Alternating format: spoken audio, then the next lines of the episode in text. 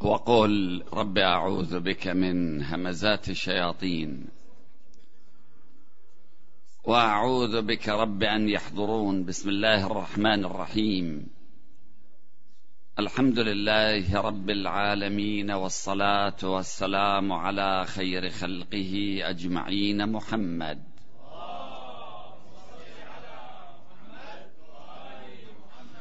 وعلى أهل بيته الطيبين الطاهرين المعصومين المكرمين وبعد.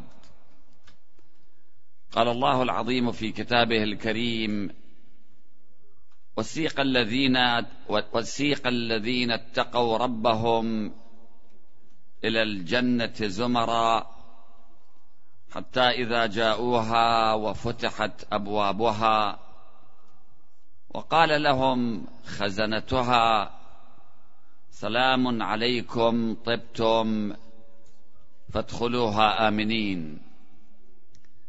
آمنا بالله صدق الله العلي العظيم. الدنيا وما فيها من النعيم من الملذات مما يسر القلوب نموذج صغير بمقدار مليارات المرات عما في الآخرة من النعيم. وأيضا ما في الدنيا من الآلام ما في الدنيا من عوامل الشقاء ما في الدنيا من الشعور بالتعاسة والخيبة. من الناحية الجسدية ومن الناحية النفسية أيضا ذلك نموذج مصغر بمليارات المرات مما في النار من الآلام من العذاب مما يسبب الخيبة والشعور بالتعاسة لمن يدخل فيها. انظروا أحيانا يريدون أن يبنوا برجا من نوع ناطحات السحاب. لكن مسبقا يعملون نموذج صغير ماكيت لهذا البرج الطويل. ربما ارتفاعه كيلومتر كامل ألف متر. لكن الماكيت شيء صغير. يوضع أمام المشاهدين أمام من له رغبة في شراء بعض من ما في داخل ذلك البرج يقال له الذي سنبنيه لك هو مثل هذا الذي ترى. وأنت تعرف مسبقا أن هذا صغير بمئات المرات أو ألوف المرات عما سيكون عليه البرج. ربنا جعل نعيم الدنيا نموذجا لنعيم الآخرة مع الفارق الكبير في الكمية والنوعية. ليس فقط في الكمية وإنما في النوعية أيضا. ما هي ألذ الأشياء في الدنيا بالنسبة إلى البشر؟ مثل ذلك موجود في القيامة ويوم الآخرة في الجنة لكن مع الفارق الكبير في المقدار وفي النوعية. وشيء آخر يدلنا على ما أريد قوله هو الطفل في بطن أمه ثم ذاته حينما يخرج من الرحم ويكبر. أنت هو نفس ذلك الطفل الذي كان في يوم من الأيام في رحم أمه. لم تتغير من حيث وجودك المادي. أنت هو نفسه بأعضائك بخلاياك ولكن كبرت وتغيرت نوعية الأشياء التي كنت تستفيد منها في عالم الرحم. من هنا فإن عالم الاخره عالم مادي. بمقاييس المادة. ليس كما يقول البعض بأن نعيم الآخرة هو معنوي وروحي والجحيم أيضا معنوي وروحي. أبدا. النعيم مادي والعذاب مادي لكن مع الفارق في الكمية وفي النوعية. أما أنه مادي مادي. كما أنك هو نفس ذلك الطفل إلا أن الأمر مختلف بالنسبة إليك من حيث الحجوم حجم الأشياء ومن من حيث الكمية ومن حيث النوعية.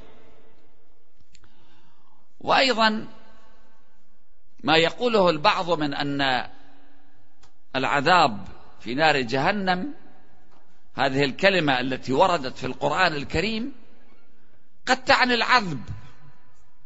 وليس الذي نفهمه نحن من هذه الكلمة.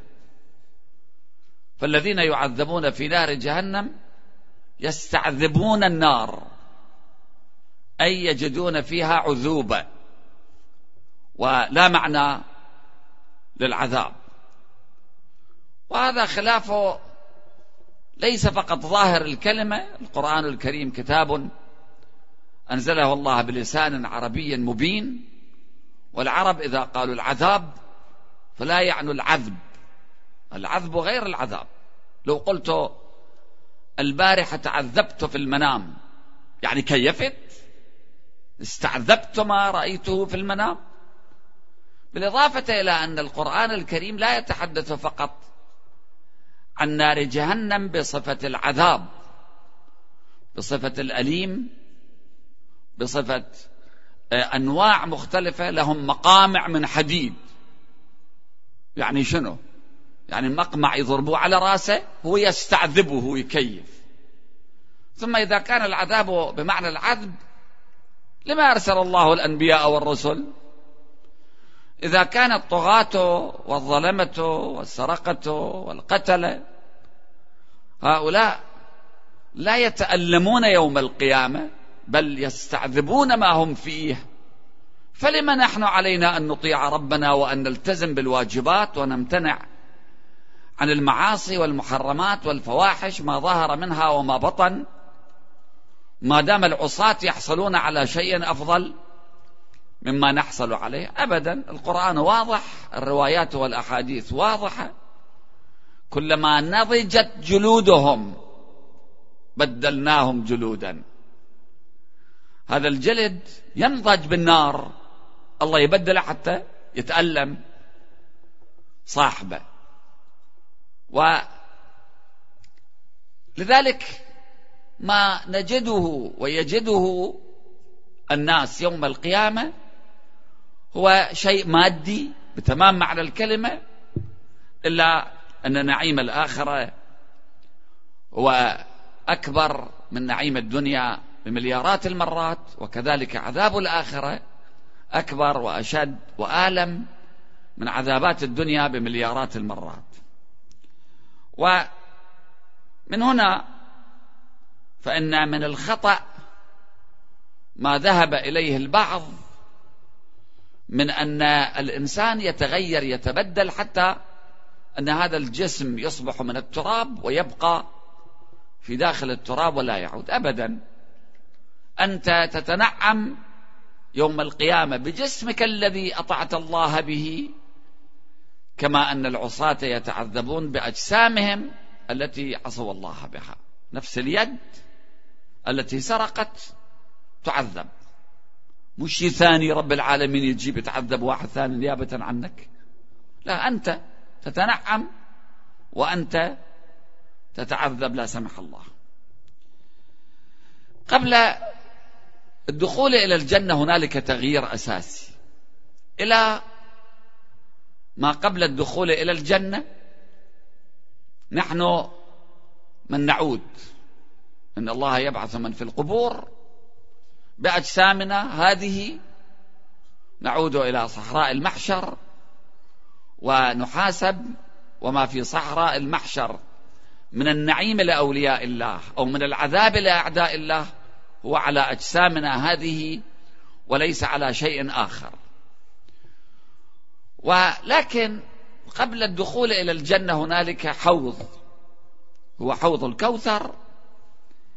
الذين يريدون الدخول إلى الجنة لا بد من أن يحدث لهم تغيير أساسي نوعي فيما يرتبط بأجسامهم وأرواحهم وأنفسهم. كل ذلك يحدث من خلال شرب ماء الكوثر.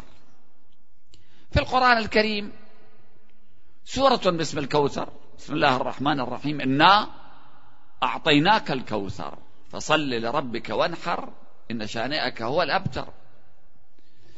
كوثر الدنيا فسرت بفاطمة الزهراء سلام الله عليها لأن النبي كان يعير بأنه لا يملك عقبا فإذا مات انقطع كل شيء بمقاييس الجاهلية حيث كانوا ينظرون إلى النبوة باعتبارها ملكا كما صرح بذلك أبو سفيان بعد إعلانه للإسلام حينما قال العباس عم النبي لقد أصبح ملك ابن أخيك كبيرا. قال ويلك إنها النبوة. قال نبوة. فإذا مات الملك ولا ورثة له انقطع كل شيء. إيه، فنزلت هذه السورة وبشر الله النبي بفاطمة الزهراء وأن عقبه سيكون من فاطمة وسماها الكوثر. والكوثر يعني الخير الذي لا ينقطع لا نهاية له. بكل مقاييس الخير لا انقطاع له. أما الكوثر في يوم القيامة فهو حوض بركة ماء تتجمع فيها مياه. تماما كما أن الصراط في الدنيا يعني هذا المنهج هذا المنحى. الصراط المستقيم وإن هذا صراطي مستقيما في الدنيا لا يعني جسر وإنما يعني دين الله. يعني النبي ومن يمثل النبي. النبي صراط الله في الدنيا. أما في الآخرة فهو جسر على جهنم ما بين المحشر وما بين الجنة ولا بد أن يمر عليها الذين يحكم لهم بالجنة. كوثر أيضا مثل كلمة الصراط. في الدنيا يعني فاطمة وفي الآخرة حوض حوض الكوثر. ولقد ورد الحديث عن حوض الكوثر في روايات الفريقين جميع المسلمين رووا أحاديث عن حوض الكوثر. فيما يرتبط بفاطمة الزهراء السورة واضحة. أن الله يقول للنبي إنا أعطيناك الكوثر. ثم في نهاية السورة إن شانئك هو الأبتر. كانوا يقولون عن النبي أبتر يعني مقطوع النسل. الله يقول لا أنت مو مقطوع النسل عندك فاطمة. مقطوع النسل هم. إذا الحديث هنا عن النسل عن الذرية فيما يرتبط بالدنيا وروايات أهل البيت تؤكد وبعض الروايات الأخرى أيضا عند غيرنا أن الكوثر تعني فاطمة. فلسنا نحن حينما نقول أن الكوثر فاطمة أعوذ بالله نخالف رسول الله كما يدعي بعضهم مع الأسف رأيت كلاما لهم يقولون أن هؤلاء يخالفون رسول الله والنبي يتحدث عن الكوثر كوثر بصفته حوضا للماء يوم القيامة بينما هم يقولون فاطمة. نعم في الدنيا فاطمة في الآخرة حوض الكوثر. والقرآن الكريم كلماته فيها معاني مختلفة. والعصر إن الإنسان لفي خسر. العصر لها معاني مختلفة. العصر يعني عصر القيامة العصر يعني هذه القطعة من الزمن بعد الظهر. العصر يعني العصر الضغط معاني مختلفة. العين في اللغة العربية لها سبعون معنى. العين بمعنى ماء ماء العين. عين يعني جاسوس. عين يعني لباب الشيء. ويمكن أن تطلق الكلمة وتقصد جميع هذه المعاني. لا نخالف رسول الله بل نحن من يلتزم بالنبي وبسنة النبي من دون أن نجزئ. فإذا قال النبي لا تصلوا علي الصلاة البتراء وأصر البعض. سمعت أحدهم يقول أن علينا أن نذكر أهل البيت في صلاتنا على رسول الله ثم لأنه متعود على الصلاة البتراء. قال لقول النبي صلى الله عليه وسلم لا تصلوا علي الصلاة البتراء. فسئل وما الصلاة البتراء؟ قال أن تصلوا علي ولا تصلوا على أهل بيتي.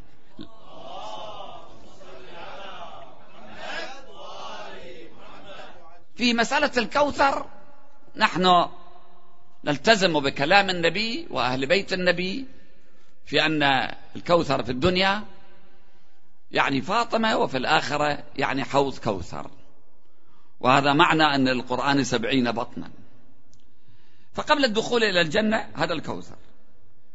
محل حوض يعني محل تجمع الماء.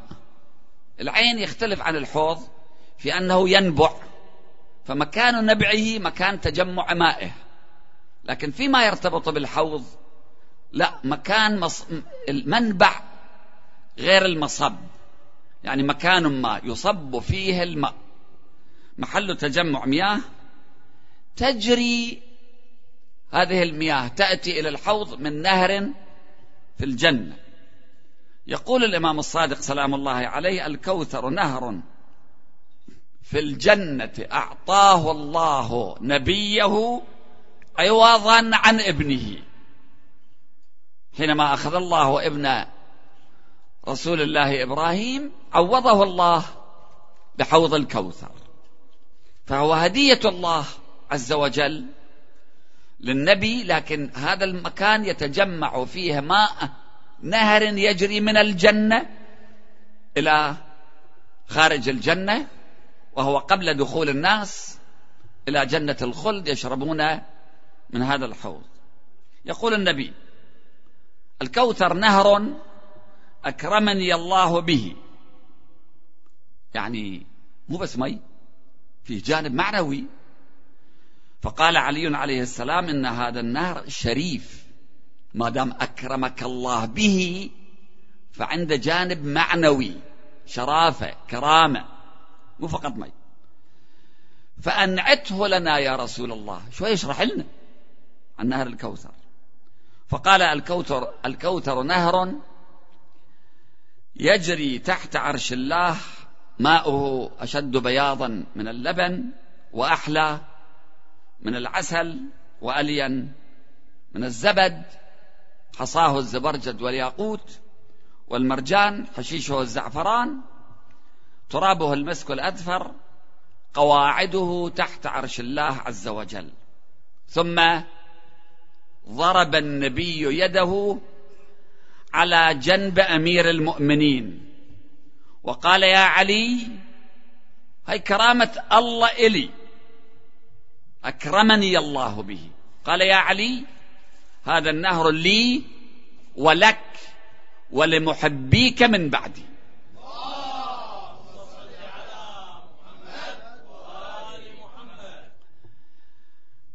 وفي حديث آخر يقول النبي صلى الله عليه وآله وسلم الكوثر نهر وعدنيه الله. عليه خير كثير. هو حوضي. آنيته عدد نجوم السماء. مو حوض عادي مو على مقاييسنا. مليارات المرات تضربه بعدك ما ملحق. الأواني الموجودة في حوض الكوثر عدد نجوم السماء. كم مليار؟ ترد عليه أمتي. أمتي ترد على هذا الحوض. فيختلج القرن منهم. جماعة من عندهم يمنعون. فأقول يا رب إنهم مني من أمتي. فيقال إنك لا تدري ما أحدثوا بعدك ما عندك خبر شنو صار. أنت رحت أنت جيت عندنا. إنك لا تدري ما أحدثوا بعدك. وعن الإمام علي قال أنا مع رسول الله ومع عترتي على الحوض. تريد توصل للحوض؟ ده يعطيك المنهج. أنا مع رسول الله. ومع عترتي على الحوض. فمن أرادنا فليأخذ بقولنا وليعمل عملنا. شرط هذا. دخول الجنة شرط إيمان وعمل صالح. لا قيمة لإيمان بلا عمل صالح ولا لعمل صالح بلا إيمان.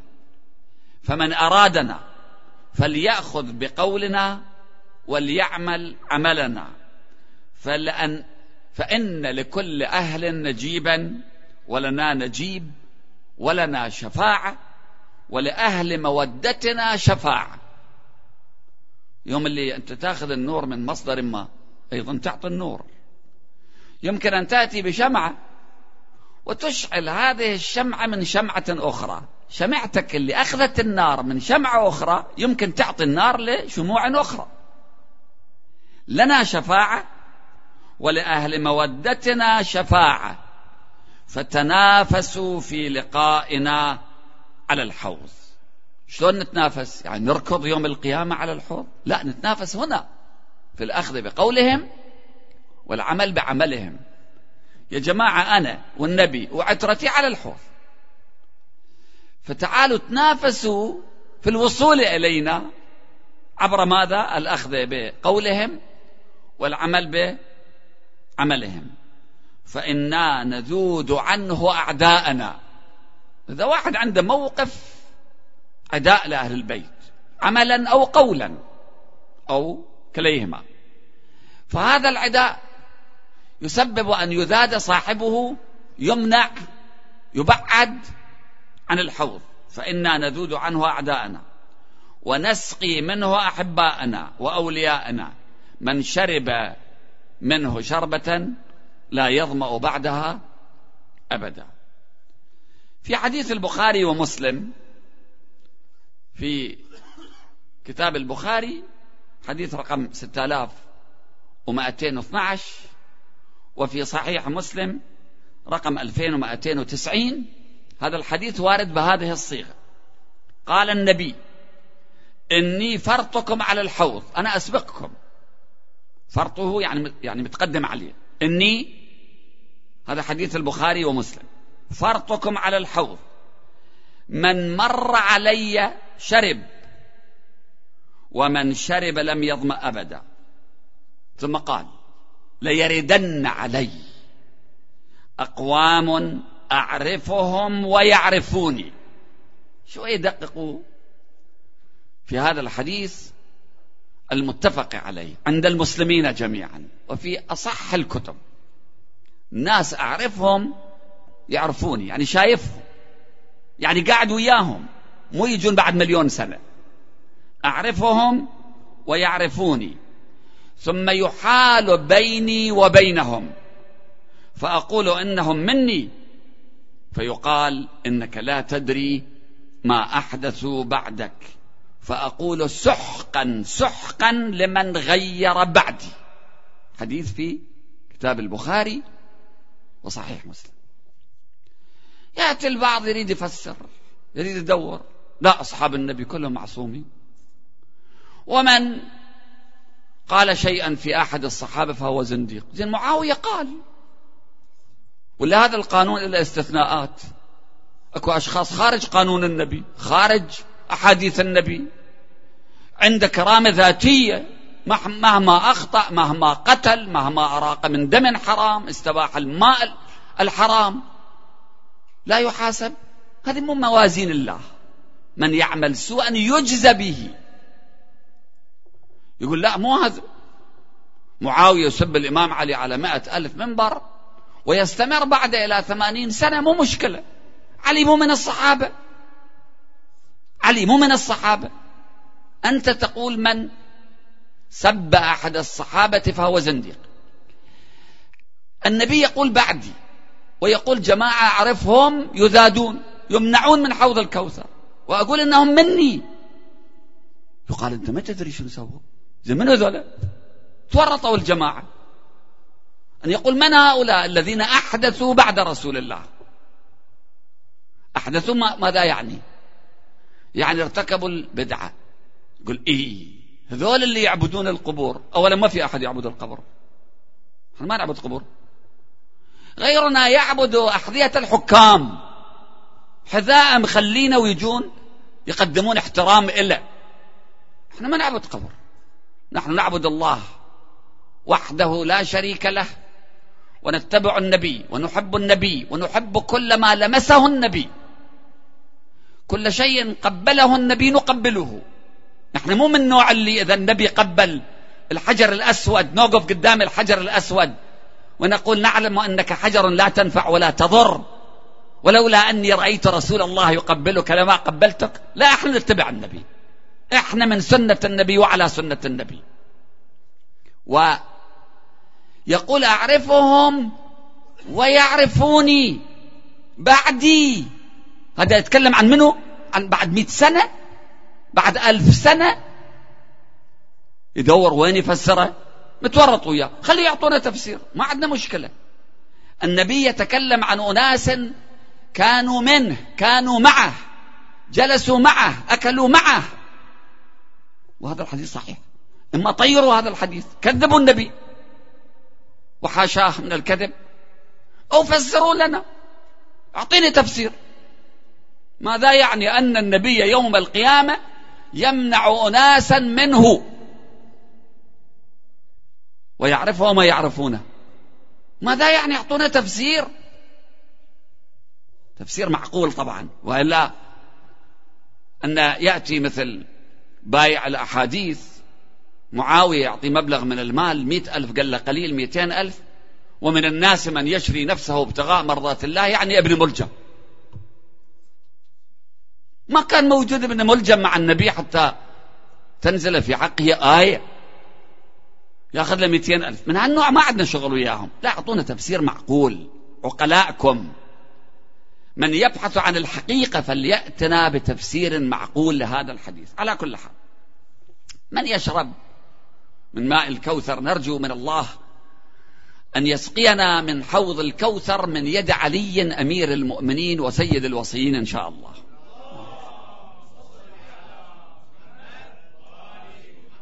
فهو ساقي حوض كوثر. بروايات صحيحة من أهل بيت النبي الذين نزل القرآن في بيتهم وهم أعلم به من الآخرين. من يشرب من الكوثر تتغير طبائعه.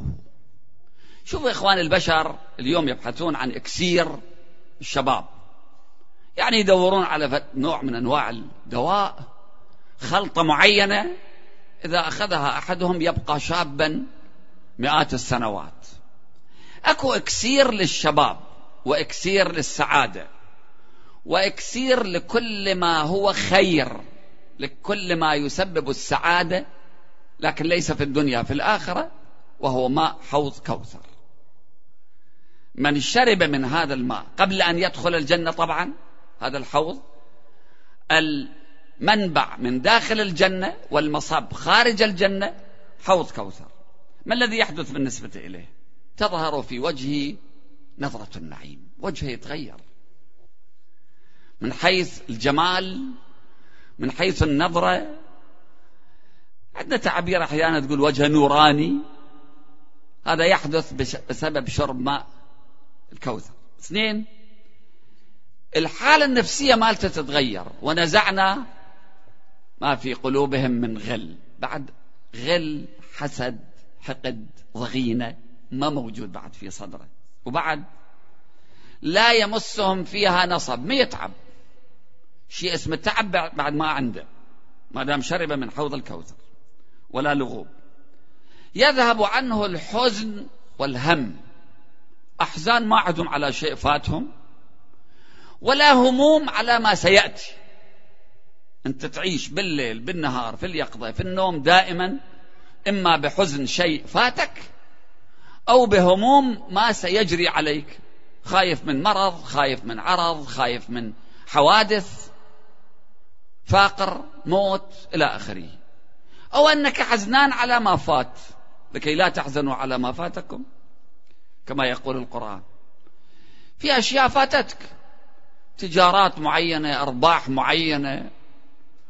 أشياء كثيرة. إذا ترجع إلى تاريخك تشوف أوه يا ليت فلان شي ما سويته يا ليت فلان شي سويته الأراضي كانت رخيصة ما اشتريت البيوت كانت رخيصة ما اشتريت عندك حزن. بالنسبة للماضي. من يشرب من حوض الكوثر فهو لا يحزن على شيء ولا عنده هموم لشيء في المستقبل. وقالوا الحمد لله الذي أذهب عنا الحزن. بعد يكمل عقله. عقله يصير كامل هذا اللي يشرب من ماء الكوثر. فلا يقول كلام لغو لا يقول كذب لا يأثم في كلامه. هذا نتيجة العقل الكامل. لا يسمعون فيها لغوا ولا كذابا. وفي آية أخرى تأثيما. إن شاء الله نخلص من حوض الكوثر. نأتي إلى باب الجنة. دخول الجنة لابد من جواز. قلنا أمور كثيرة في الدنيا تجري. هي مثال لما يجري علينا في يوم القيامة. مع الفوارق في النوعية والكمية والكيفية. هنا نأكل هناك نأكل. هنا لذة الجنس هنالك لذة الجنس. هنا لذة الراحة هنالك أيضا لذة الراحة. بس مع فارق كبير. أحد الآباء رأى ولده وكان شهيدا في سبيل الله في المنام فسأله عن الطعام عندكم طعام تأكلون؟ قال إيه. قال له مثلا. قال مثلا لحم الطيور والدجاج. قال شلون يعني هذا اللحم؟ شلون؟ أعطيني من عنده. هو في المنام ما يدري أن ولده متوفي بس يعرف أنه مو يمه. يقول عندكم طعام؟ قال لي قال أعطينا منه. قال إذا تأكل تنفجر. الآن الإنسان الكبير في الدنيا الطعام اللي ياكله يقدر يعطيه للطفل في رحم أمه؟ لا ينفجر. هذا في داخل رحم أمه يموت. الطعام اللي يحصله. هنالك طعام هنالك لذات هنالك أمور حتى فيما يرتبط بالجواز والباب. لدخول الجنة لا بد أن يكون بيدك جواز. إذا هذا الجواز ما تحصله ما تدخل. الجواز مو من النوع اللي نحن فلان ابن فلان نأمر. سلطات الحدود بتمشية أمر فلان مثل ما يكتبون أو وزارة الداخلية تأمر. لا هناك في الحقيقة يوم القيامة كل شيء جانب المادي فيه مختلط بالجانب المعنوي مو فقط جانب مادي. يعني قصور الجنة فيها روح تتناغم معك. ما عندنا هناك جمادات مثل التراب اللي جماد حجر جماد. لا. وإنما كل شيء فيه روح. الجواز أيضا فيه جانب معنوي مو مجرد ورقة وكارت معين تحمله وياك وتدخل. في الحديث الشريف عن النبي صلى الله عليه وآله وسلم قال في أحوال المؤمن يوم القيامة فإذا انتهى إلى باب الجنة. قيل له هات الجواز. جيب الجواز اللي عندك. فقال هذا جوازي مكتوب فيه. بسم الله الرحمن الرحيم. هذا جواز جائز من الله العزيز الحكيم لفلان ابن فلان. اسمه من رب العالمين. جواز لدخول الجنة. فينادي مناد يسمع أهل الجمع كلهم ألا إن فلان ابن فلان قد سعد سعادة لا يشقى بعدها أبدا. هذا هو الجواز. زين هذا الجواز من وين يصدروه؟ من اللي يصدر؟ إدارة الجوازات.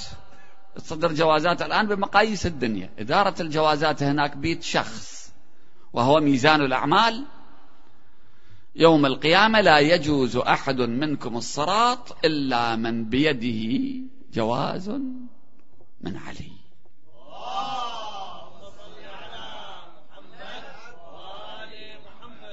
في حديث هذا الحديث منقول بصيغتين.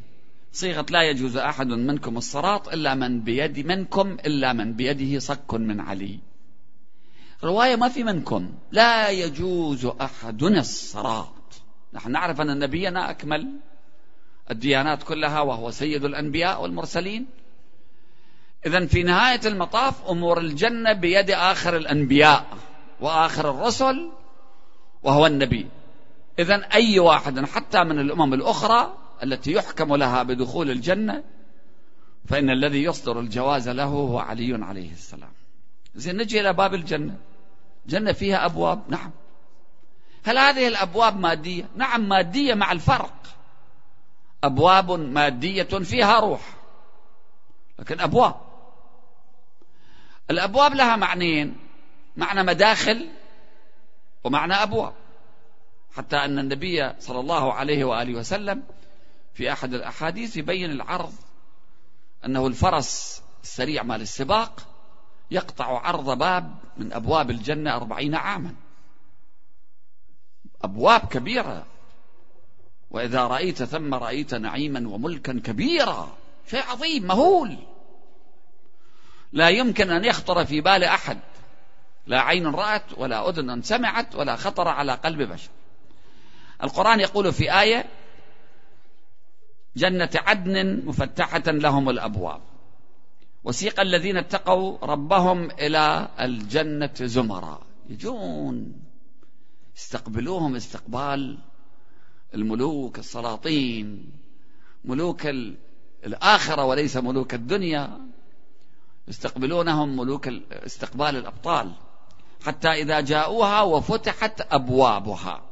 وقال لهم خزنتها سلام عليكم طبتم فادخلوها خالدين. إذا الباب في الجنة له معنيين يعني المدخل لأن الجنة أيضا محدودة. وإن كانت الحدود عرضها كعرض السماوات والأرض بس بالنتيجة محدودة. كما أن جهنم مكان ضيق جدا نار بلا نور غضب بلا رحمة شر بلا خير شقاء بلا سعادة. حتى في بعض الروايات أن أهل جهنم ما يشوفون. عميان صم. الله ياخذ من عندك كل هاي النعم اللي أعطاها كامتحان وكابتلاء حتى يستخدمها في طاعة الله في عمل الخير لكن يستخدمها في الشر والظلم والطغيان والعدوان ومصادرة الحقوق ومعصية الرب عز وجل. إذا رب العالمين كل هذه النعم يسترجعها من عنده مثل ما أنت لو أعطيت مبلغ من المال لولدك حتى يتاجر به راح استخدم مخدرات. تسترجع أموالك من عنده اللي أعطيته تأخذه من عنده. سيارة أعطيته حتى يروح للشغل والعمل وإذا به يستخدمه في مكان آخر في قتل الناس في ضرب الناس في معصية الله في ظلم طغيان تسترجع السيارة من عنده الله يسترجع نعمه على كل حال. الأمر الثاني الذي يعنيه الباب العمل الذي يؤدي إلى مدخل من مداخل الجنة. يعني في الدنيا عمل في الآخرة باب. من أسماء أبواب الجنة باب الجهاد. والحديث عن باب الجهاد طويل. ألا وإن الجهاد باب من أبواب الجنة فتحه الله لخاصة أوليائه. في خطبة للإمام أمير المؤمنين في نهج البلاغة حول الجهاد يبدأه بأن الجهاد باب من أبواب الجنة يعني مدخل إلى الجنة. لكن هذا المدخل في آي بي فتحه الله لخاصة أوليائه. بقية الأبواب أيضا لأولياء الله وليس لأعداء الله. لكن هؤلاء لخاصة أوليائه. باب المعروف باب الريان ريان يعني اللي شارب مي ومرتوي. بس هذا الباب خاص بالصائمين. الذين صاموا في الدنيا ولم يشربوا الماء الباب مالهم هناك اسمه باب الريان. باب الشهداء غير الجهاد. يمكن واحد يصير شهيد بدون الجهاد. يمكن واحد يجاهد بدون ما يصير شهيد. هذا باب الشهداء. باب الصدقة باب الصلاة. لعل هذه طبعا أبواب رئيسية ثم هنالك أبواب أخرى. الإمام علي يقول والله إن للجنة إحدى وسبعين بابا يدخل من سبعين منها أوليائي وأهل بيتي ومن باب واحد سائر الناس.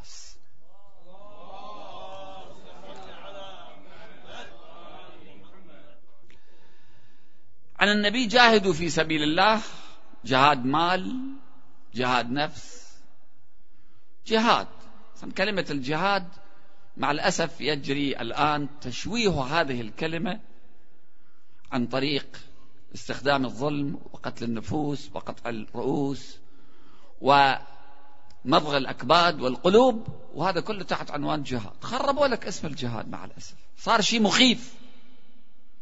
الجهاد أن أن تجهد وتبذل أقصى ما تستطيع في سبيل الخير وفي سبيل الله عز وجل وحينما نقول في سبيل الله يعني في سبيل الناس. نحن الكعبة موجودة وين؟ في بيت الله. الله يسمي بيته بيت الناس. إن أول بيت وضع للناس للذي ببك. الله ما عنده مصلحة خاصة. حينما يقول في سبيل الله يعني نيتك ليست مرتبطة بالدنيا والرياء وتريد مصلحة دنيوية إنما تريد من الله الثواب في سبيل الناس. إن الجهاد في سبيل الله تبارك وتعالى باب من أبواب الجنة ينجي الله تبارك وتعالى به من الهم والغم. أكو أيضا أبواب ثانية. الإمام الصادق سلام الله عليه يقول إن الجنة بابا يقال له المعروف. لا يدخله إلا من اصطنع المعروف في الحياة الدنيا.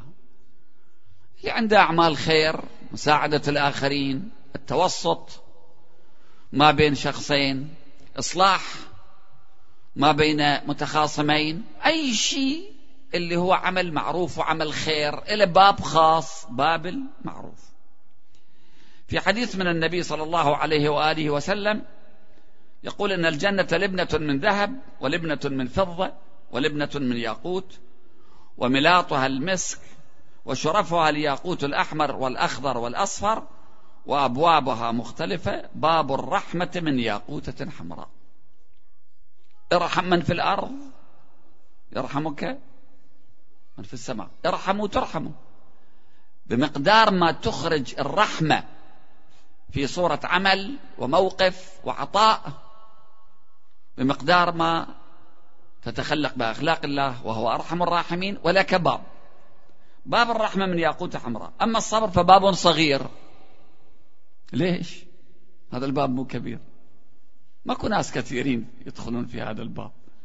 صبر شيء عظيم.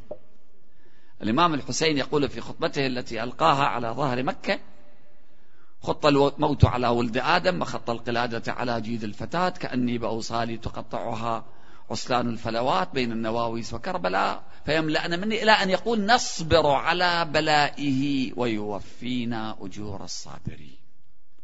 شوف الإمام علي شد عنده شجاعة؟ بمقدار الشجاعة عنده صبر. تبين ذلك بعد رحيل رسول الله أن صبر علي على مستوى علي. فباب الصبر كما يقول النبي في هذا الحديث صغير لأن الذين يدخلون من هذا الباب قلة. فباب صغير مصراع واحد من ياقوتة حمراء لا حلق له وأما باب الشكر فإنه من ياقوتة بيضاء لها مصراعان مسيرة ما بينهما خمسمائة عام. له ضجيج وحنين يقول اللهم جئني بأهلي ينطقه ذو الجلال والإكرام. قلنا كل شيء في الآخرة فيها حياة. حتى الأرض أرض القيامة فيها حياة.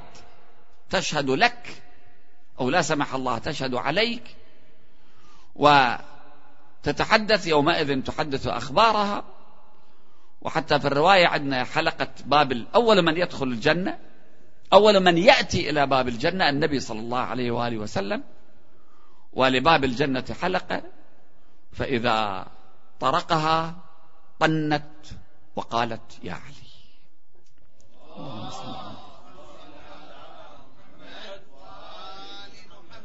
إذن الباب تنطق. وأما الباب الأعظم الأكبر فيدخل منه العباد الصالحون.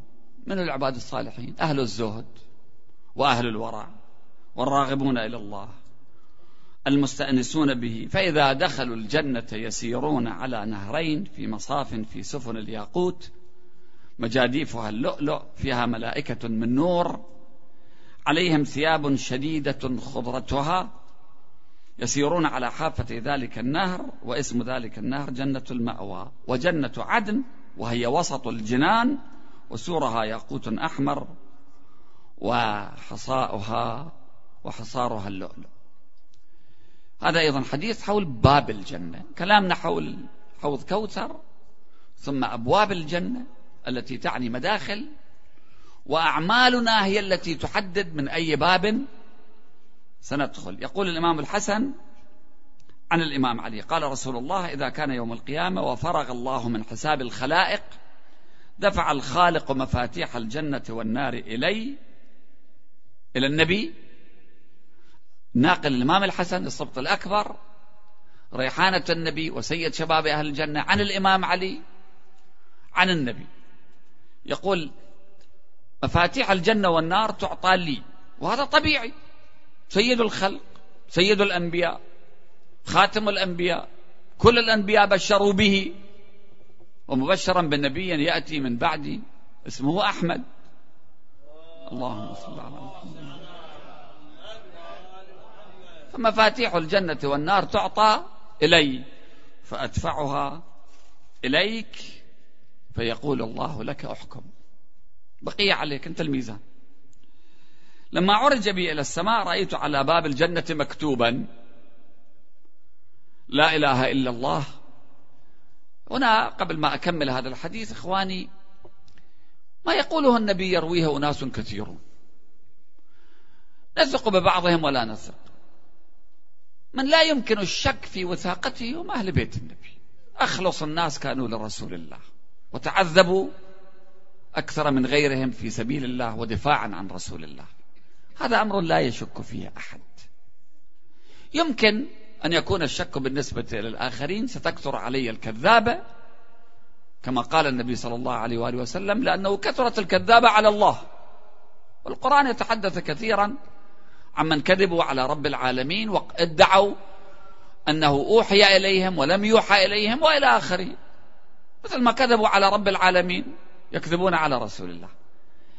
فإذا كان المصدر عندنا من أهل بيت النبي لا نشك فيه. هذا الحديث من أهل بيت النبي عن رسول الله عن المعراج. قال رأيت على باب الجنة مكتوبا لا إله إلا الله. محمد رسول الله.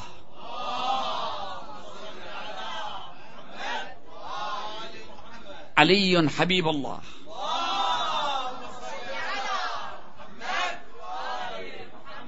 الحسن والحسين صفوة الله.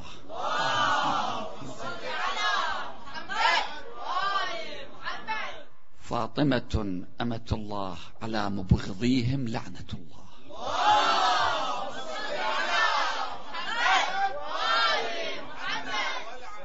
وفي رواية أن هنالك أبواب باسم أشخاص.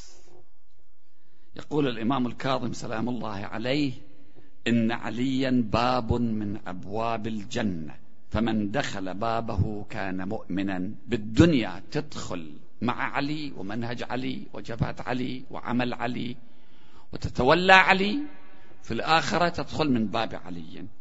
ومن خرج من بابه كان كافرا. ومن لم يدخل فيه ولم يخرج منه لا دخل لا طلع. كان في الطبقة التي لله فيهم المشيئة. وآخرا يعني يوم القيامة رب العالمين يحكم. اللي كان معادي مبين مكانه واللي كان موالي يدخل من باب علي. وفي حديث عن النبي ألا إنما الحسين باب من أبواب الجنة؟ من عاداه حرم الله عليه ريح الجنة.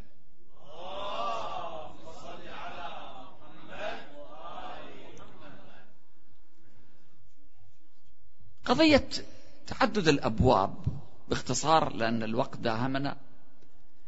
حتى لا تيأس إذا ما كان عندك مجال لعمل المعروف مثلا في مجالات ثانية. إذا ما عندك وقت للعبادة في مجالات أخرى. يقول الإمام الباقر أحسن الظن بالله. واعلموا أن للجنة ثمانية أبواب أرض كل باب منها مسيرة أربعين سنة. يعني أخفقت في قضية الصبر في مجال آخر عمل المعروف. أخفقت في ذلك في مجال الأخلاق الحسنة. في مجالات مختلفة وأبواب مختلفة. إذا أحسنوا. الظن بالله واعرفوا أن هذه الوسعة في الأبواب لكثرة من يدخل الجنة. صحيح أن جهنم تمتلئ. يوم نقول لجهنم هل امتلأتي؟ وتقول هل من مزيد؟ بس النار مو عرضها كعرض السماء والأرض. الجنة عرضها كعرض السماء والأرض. أما النار فضيقة رب العالمين ما يعطي قصور في داخل النار. وإنما الزوايا مغلقة. هناك يتعذبون فيها. إذا أحسن الظن بالله واعملوا الصالحات وارجوا الله واطلبوا من الله واسعوا واعملوا بما يقول النبي وأهل بيته واعملوا بما كانوا يعملون والنتيجة إن شاء الله مضمونة وآخر دعوانا أن الحمد لله رب العالمين وصلى اللهم على محمد وأهل بيته الطيبين الطاهرين. اللهم صل على